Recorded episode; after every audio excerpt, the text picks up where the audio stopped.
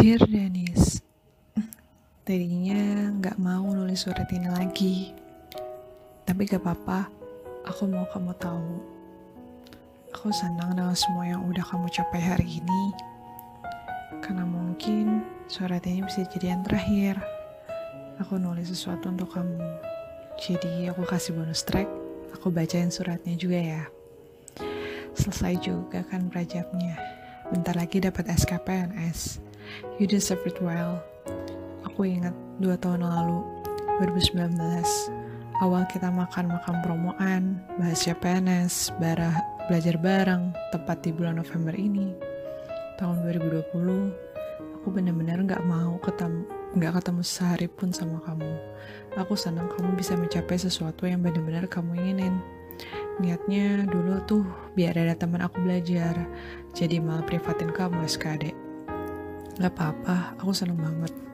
Bukan karena deket-deket kamu. Aku seneng ada yang nemenin aku berjuang, bukan untuk bersaing. Dari yang lihat kamu lelah banget belajar SKD, apalagi pas belajar SKB juga sampai tidur di pangkuan aku. Sekarang juga lelah banget ya latsarnya. Jadi begadang, capek fisik, sampai mental. Aku paham seberapa kamu lelah dengan semua ini. Aku cuma mau bilang kayak surat sebelumnya. Terima kasih sudah menjadi Danis yang super hebat. Terima kasih sudah mengajarkan Sabi untuk jadi perempuan sabar. Terima kasih sudah mengajarkan Sabi untuk bisa lebih kuat lagi. Kalau mungkin kamu tahu yang sebenarnya setelah putus aku benar-benar kehilangan kamu, terutama teman aku. Apalagi dengan kondisi sekarang, kamu tahu kan yang terjadi apa. Kalau kamu baca surat ini sampai selesai, saat kamu telepon aku di bulan September lalu, nanya tentang review artikel, kamu tahu rasanya gimana? Campur aduk dan ada senangnya aku bisa ngobrol sama kamu, diskusi bareng kamu, tapi di saat yang bersamaan, aku benar-benar hancur juga. Aku hancur karena takut adanya aku di hidup kamu bisa nyakitin kamu lagi. Yang ada di pikiran aku, aku adalah orang yang nyakitin kamu. Makanya kamu memperlakukan aku kayak gini sekarang. Kamu tahu, setelah beberapa hari bantuin kamu latsar, aku gak kuat dan aku konsul sama psikolog lagi. Aku mau nyerah banget untuk gak bantuin kamu. Tapi ada bagian di diri aku gak bolehin kayak aku kayak gitu.